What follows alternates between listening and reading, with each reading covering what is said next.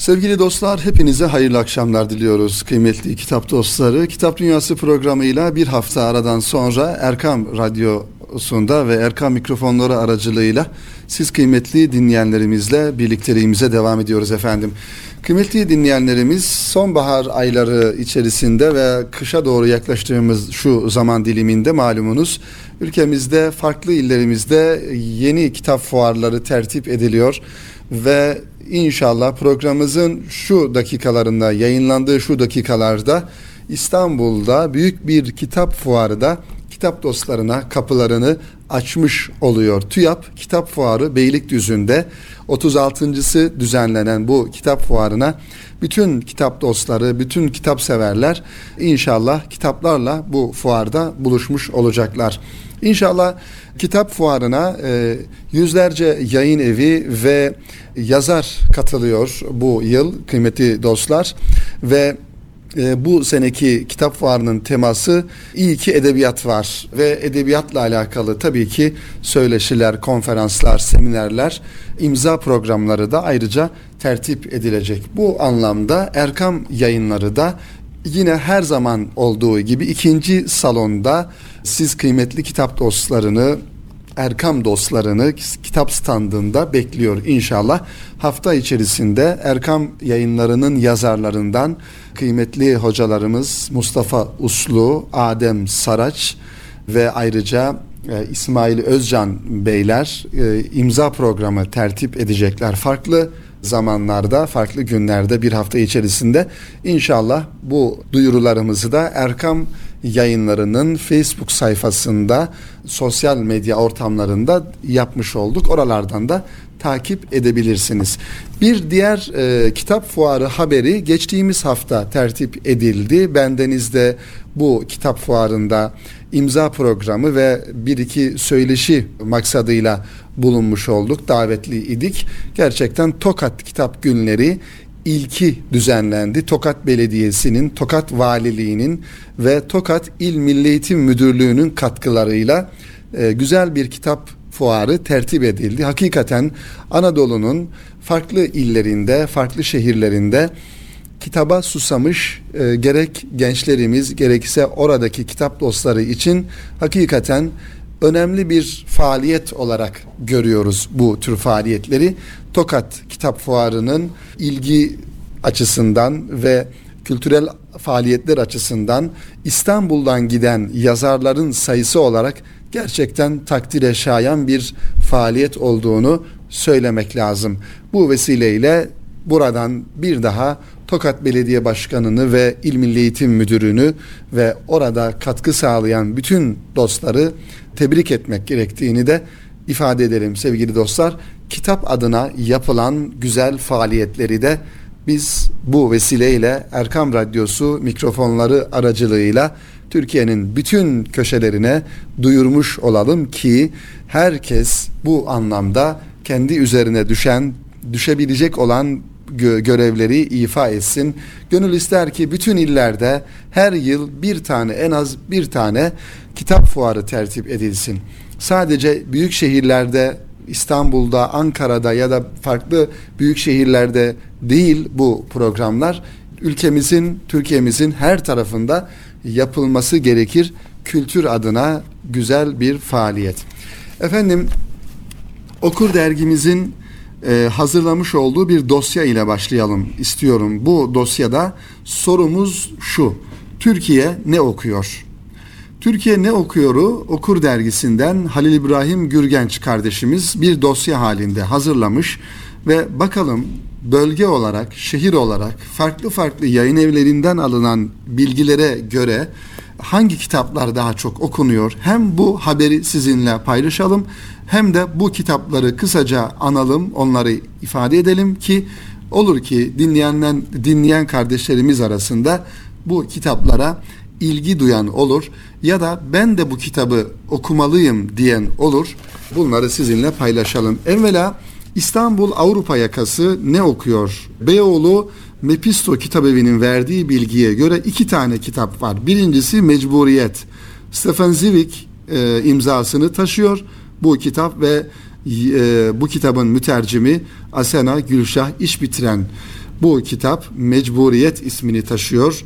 Düz yazı yayınlarından çıkan. Diğer bir kitap Çay Güzeli İsmail Saymaz imzasını taşıyor. İletişim yayınlarından çıkan İsmail Saymaz'ın Çay Güzeli 123 e, sayfadan oluşuyor. Bu kitapta İstanbul Avrupa yakasında en çok okunan kitaplardan bir tanesi. Ve baktığımızda yine İstanbul Anadolu yakasına baktığımızda Kadıköy Remzi Kitabevi'nin vermiş olduğu bilgiye göre bir zamanlar Nişantaşı'nda Hıfzı Topuz imzasını taşıyor bu kitap ve Remzi Kitabevi'nden yayınlanmış.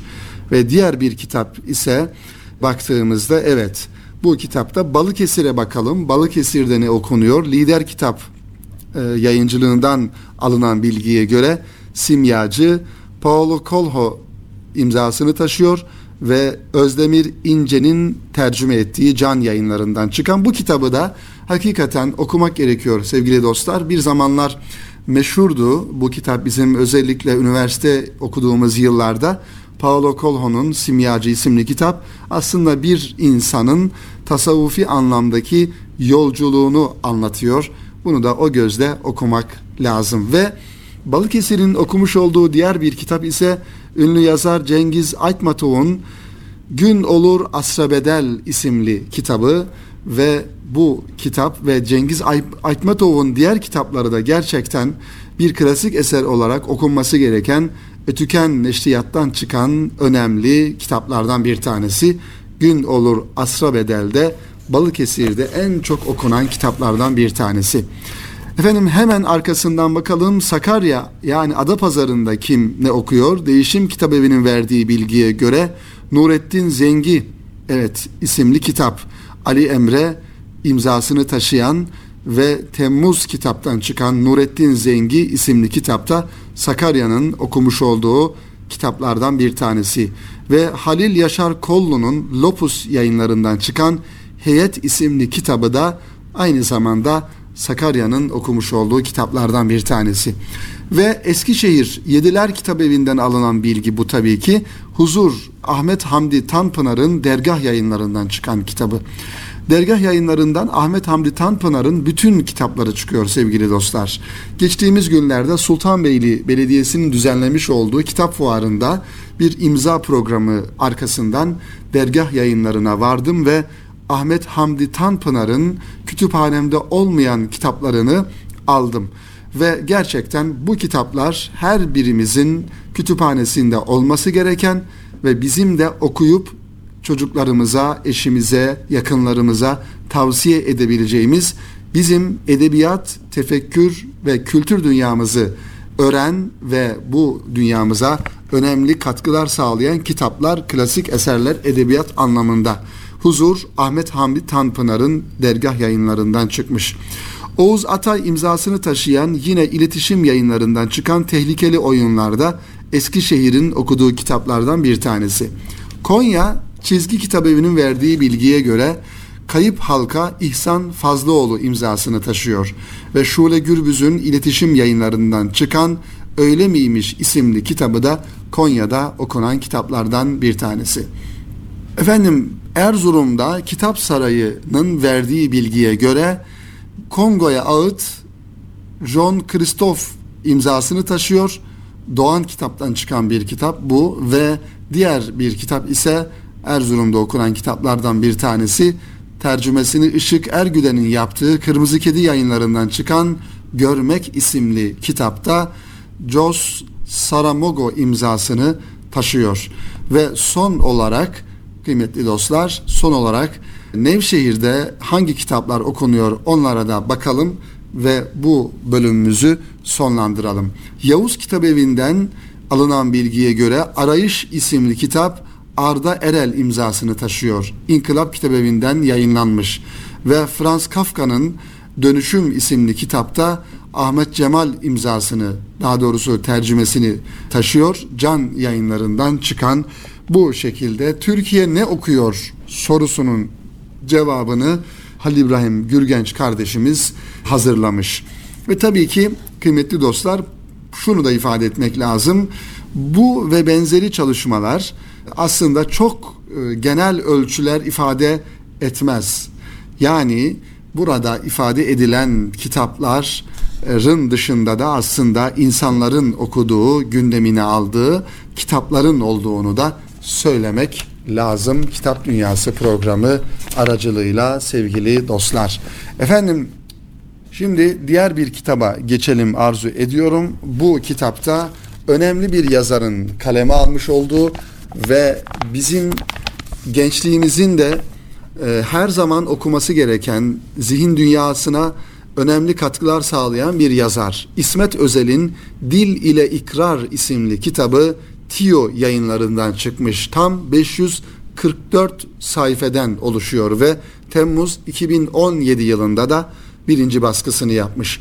İsmet Özel'le ilgili sevgili dostlar bu programda zaman zaman atıflarda bulunduk. Zaman zaman farklı kitaplarını sizlerle paylaşmaya çalıştık ve İsmet Özel'in de bu zamanda okunması gereken insanlardan bir tanesi. Fikir anlamında, fikri kitapları anlamında gerçekten farklı bakış açıları sunabilen, bir edebiyat metinleri üretebilen önemli yazarlardan bir tanesi İsmet Özel.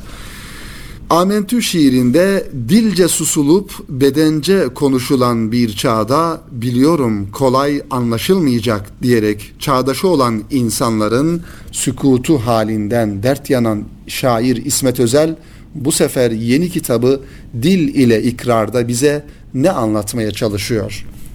Dilce susulduğu halde dil ile ikrar edilecek olan ne olsa gerek?''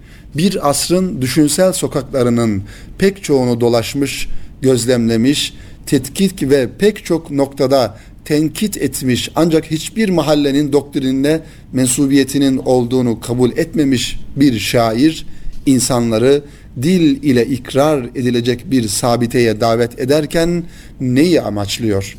İsmet Özel yeni eseriyle ilk karşılaşıldığı vakit dimağımızda beliren bu suallerin pek çoğuna hem Kur'an hem de Latin harfleriyle kaleme alınmış yazılarıyla ziyadesiyle özgün bir lisan eşliğinde cevap veriyor. Oldukça sarih bir ifade ile kelime-i şehadet getirmeyi dil ile ikrarın başlangıcı saymayan bizden değildir diyen İsmet Özel bu cümlesiyle varlığın var eden ile ilk münasebeti olan kalü belaya işaret etmektedir. Bir diğer deyişle dil ile ikrarın miladı olarak ontolojik bağımızı teyit ettiğimiz ilk vakaya atıfta bulunulmaktadır.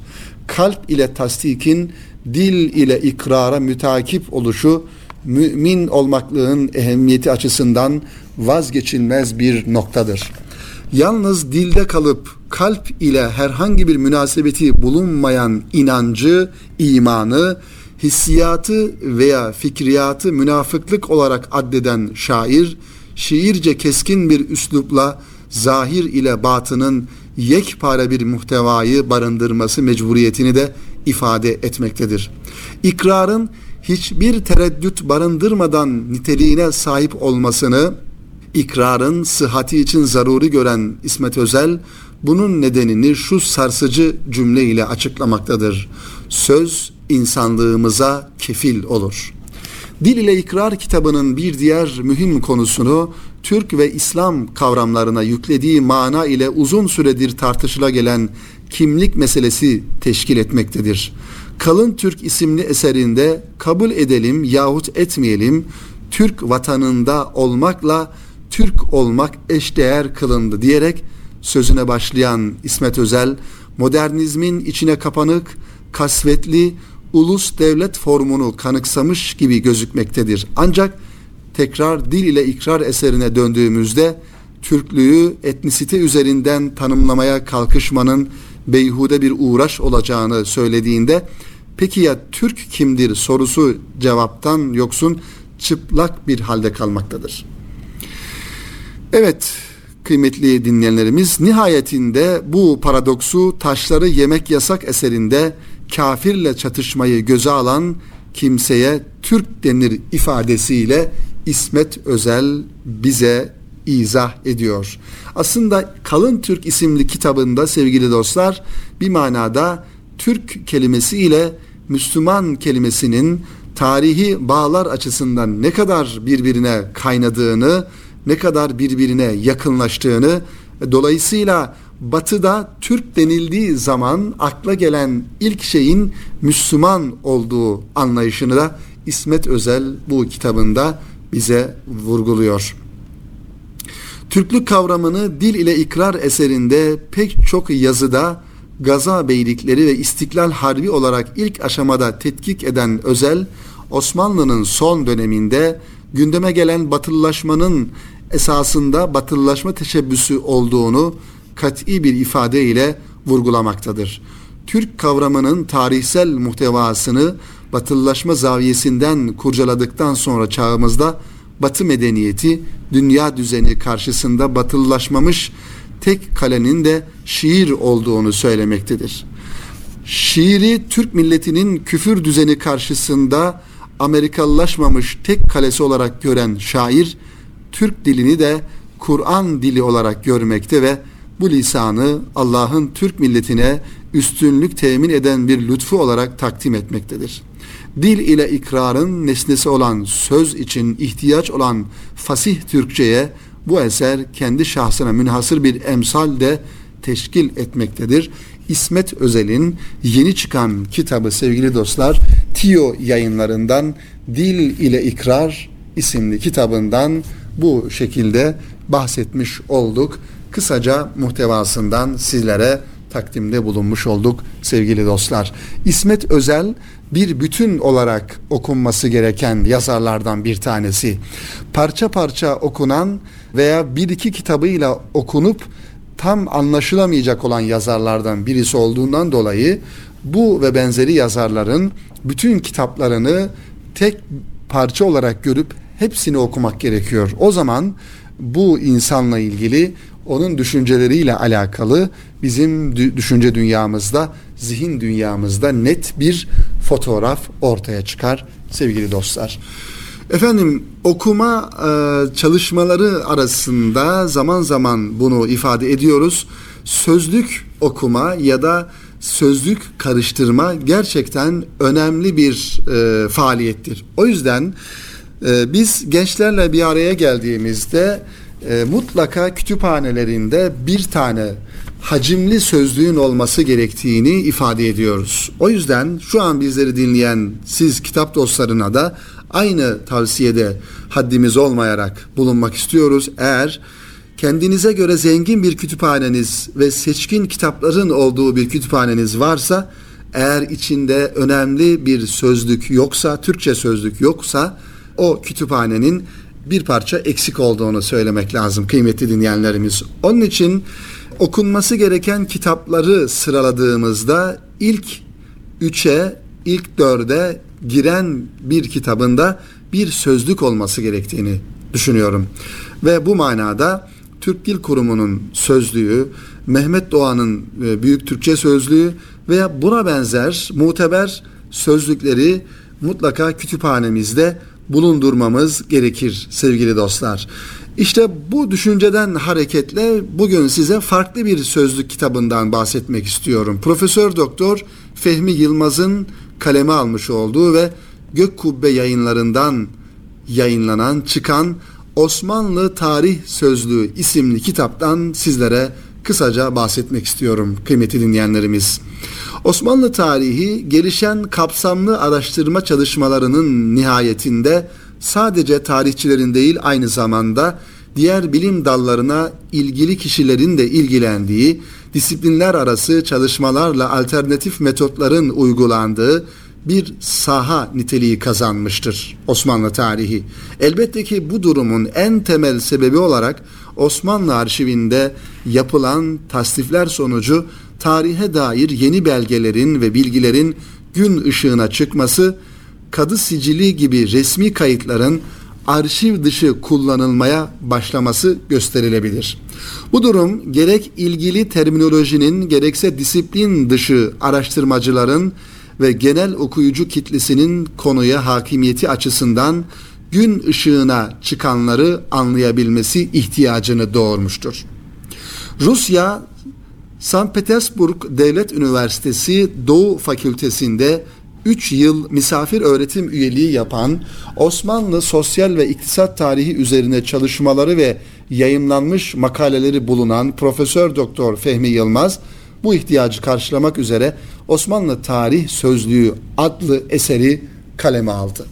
Eserin hem tarih araştırmacılarına ve akademisyenlerine hem de genel olarak bu alana ilgi duyan okur kitlesine Osmanlı tarihini ve metinlerini anlayıp çözümlemede yardımcı olması maksadıyla vücut bulduğunu belirten yazar bu sebeple madde başlarının sadece terim anlamlarının alındığına, gerek duyulanların sözlük karşılığına yer verildiğine dikkat çekmektedir. Öte yandan pragmatik bir amaca hizmetinden dolayı eserin sonunda Osmanlı padişahları, sadrazamları, şeyhülislamları ve bu kişilere ait ünvan, duaların listesi, Arapça, Farsça sayılar, günler, aylar, hicri tarihi, miladi tarihe çevirmede kullanılan formüller, unutulmaya yüz tutmuş divan rakamları ek tablo şeklinde eserin sonunda okura sunulmaktadır. Bu yönüyle de ayrıca önemli bir eksikliği tamamlamış gözüküyor bu eser. İmlada Türk Dil Kurumu'nun yazım kurallarına riayet ederek madde açıklamalarının kısa ve öz olmasına hassasiyet göstererek titizlikle sonuca varılan Osmanlı Tarih Sözlüğü'nde yazar, eserin oluşumunda Mehmet Zeki Pakal'ın, Mithat Sertoğlu, Ömer Nasuhi Bilmen, Mehmet Erdoğan, Halil İnalcık, Mehmet Genç, Şevket Pamuk gibi isimlerin kaleminden çıkmış zengin içeriğe sahip eski yeni birçok çalışmadan faydalandığını da ifade ediyor. Osmanlı iktisat tarihi, sosyal tarihi ve bürokrasisine dair günümüzden tarihi ışık tutmakla kalmayıp tarihi günümüze taşıyacak bu eseri ilgililerin ilgililerine nitelikli bir kaynak ve rehber olarak Gök Kubbe yayınları okura sunuyor sevgili dostlar. Osmanlı Tarih Sözlüğü Profesör Doktor Fehmi Yılmaz'ın kaleminden güzel bir çalışma. Biz de sizlerle bu çalışmayı paylaşmış olduk efendim. Sevgili dostlar şimdi diğer bir kitabımıza geçelim ve bu kitabımızda Orta Doğu'da ordu ve siyaset Veysel Kurt imzasını taşıyor ve SETA yayınlarından çıkmış. Orta Doğu'da Orta Doğu ülkelerinde ordu ve siyasetin girift yapısını bir manada ele alıyor. Orta Doğu'da ordu ve siyaset pek çokları için karmaşık olarak tanımlanabilecek bölge ülkelerinin iç dinamiklerini ve siyasi kültürünü bütünlükle ortaya koyuyor. Bu e, kitapla alakalı da kısa bir tanıtım metnimiz var. Bundan da istifade ederek inşallah programımızı yavaş yavaş sonlandıralım sevgili dostlar.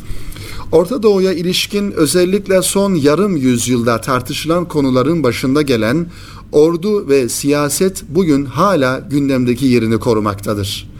Bölge ülkelerinin her biri kendi özelinde farklı süreçlerden geçmiş, farklı yapılanmalar kazanmışsa da en geniş çerçevede orduların siyasete hakim oluşu yatsınamaz bir gerçektir. Özellikle ordu ile siyaset arasındaki ilişki söz konusu olduğunda bu durum apaçık gözlemlenmektedir. Veysel Kurt'un editörlüğünü yaptığı Orta Doğu'da ordu ve siyaset bu konuyu merkeze alan önemli bir çalışma. Hakkı Uygur, Mustafa Kulu, Muhammed Musa, Ömer Aslan, Talha Abdurrezzak ve Abdullah Erboğan'ın katkılarıyla hazırlanan kitapta Orta Doğu ülkelerinde ordu ve siyasetin girift yapısı çözümlenmeye çalışılmış, incelenen her bir ülkede ordunun nasıl kurumsallaştığı ve siyasetle nasıl bir ilişkiye sahip olduğu, Arap isyanları karşısında ordunun nasıl bir reaksiyon gösterdiği, ordu ve siyaset arasındaki ilişkinin seyri analiz edilmiştir. Sevgili dostlar, Orta Doğu dediğimiz şöyle ülkelere baktığımızda gerçekten gerek Irak'ta, gerek İran, Suriye, Mısır ve e, Suudi Arabistan, Arap Emirlikleri bu bölgelerdeki siyaset tarzının aslında ordunun gölgesinde, ordunun etkisi altında olduğunu da görmek mümkündür. Kitapta İran, Mısır, İsrail, Cezayir, Irak, Suriye, Suudi Arabistan ve Pakistan'ın inceleme konusu olarak ele alındığı Orta Doğu coğrafyasında ülkelerinin egemenliklerini elde ettikleri dönemden günümüze kadar sivil alan ile askeri alan arasında oldukça yoğun bir geçişkenliğin bulunduğuna dikkat çekilmektedir. Egemenliğin kazanılmasının ardından kurumsallaşmasını ilk ve en iyi şekilde tamamlayan kurumun ordu olduğu, bunun da etkisiyle gücünü ve etkinliğini artırdığı vurgulanmış. Bu faktörlerin yanında siyasetin de darbeler yoluyla dizayn edilmesi ordunun siyaset üzerindeki etkisini yapısal düzeye taşımıştır. Bu durum eski asker yeni siyasilere yıllarca iktidarı elinde tutma kabiliyet ve imkanı kazandırmıştır. Bununla birlikte bölge ülkelerinde modernleşme sürecinin ordu üzerinden gerçekleştirilmesi, yeraltı zenginliklerinden elde edilen gelirlerin büyük bir bölümünün savunma harcamalarına ayrılmasının ordunun konumunu daha da güçlendirdiği ifade edilmektedir. Siyasal ve sosyal alanlardaki dönüşüm taleplerine rağmen benzer yapıların farklı şekillerde kendisine alan açtığına işaret edilmektedir. Buna karşın ordunun yönetim üzerinde tam olarak hakim olmadığına, dolayısıyla askeri bir rejimin kurulamadığına da dikkat çekilmiştir. Benzer süreçlerden geçen bölge ülkelerinin ordu ve siyaset arasındaki ilişkilerinin Orta Doğu coğrafyasına dair ortak bir payda oluşturduğu belirtilmektedir. Bu süreçlerin nasıl cereyan ettiği, orduların her bir ülkede nasıl kurucu rol üstlendikleri ve edindikleri ayrıcalıklı konumları, sahip oldukları uluslararası bağlantılar ve siyasi kanatla yaşanan bütünleşme tarihsel bir perspektifle aktarılmaya çalışılmıştır. Orta Doğu'da Ordu ve Siyaset isimli Veysel Kurt Bey'in hazırlamış olduğu bu kitapta her bir ülke özelinde bu sürecin Arap Baharı sırasında ordunun takındığı tavra dair önemli ipuçları sunduğu da belirtilmektedir kıymetli dinleyenler. Bugün neredeyse hepimizin gündemini meşgul eden Suriye'ye ilişkin makaleyi ise kitabın editörü Veysel Kurt kaleme alıyor. Osmanlı Devleti'nin parçalanmasının ardından Suriye'nin nasıl Fransa'nın etkisinde kaldığı, bu durumun ordu ve siyaset üzerinde ne gibi etkilerinin olduğunu anlattığı makalede gelecekte bu iki kurumun yeniden yapılandırılması konusundaki hassasiyetle de hassasiyete de değinmektedir. Abdullah Erboğan'ın Suudi Arabistan'ı incelediği makalesinde ordunun kurumsal bir yapılanmadan yoksun olmasına karşın aileler arasında bölüşülen iktidar alanları arasında önemli bir denge unsuru olduğu vurgulanmaktadır. Son olarak Ömer Aslan ordu siyaset ilişkisi açısından Türkiye ile önemli ölçüde benzerlikler gösteren Pakistan'ı ele almıştır. Orta Doğu'da ordu ve siyaset pek çokları için karmaşık olarak tanımlanabilecek bölge ülkelerinin iç dinamiklerini ve siyasi kültürünü bütünlüklü olarak ortaya koymaktadır sevgili dostlar. Efendim siyasete, ordu ve siyaset ilişkisine aynı zamanda Orta Doğu'daki ordu ve siyaset ilişkisine, Orta Doğu'daki yönetimsel şekillere ilgi duyan kardeşlerimizin okuyabileceği bir araştırma kitabı bu kitap.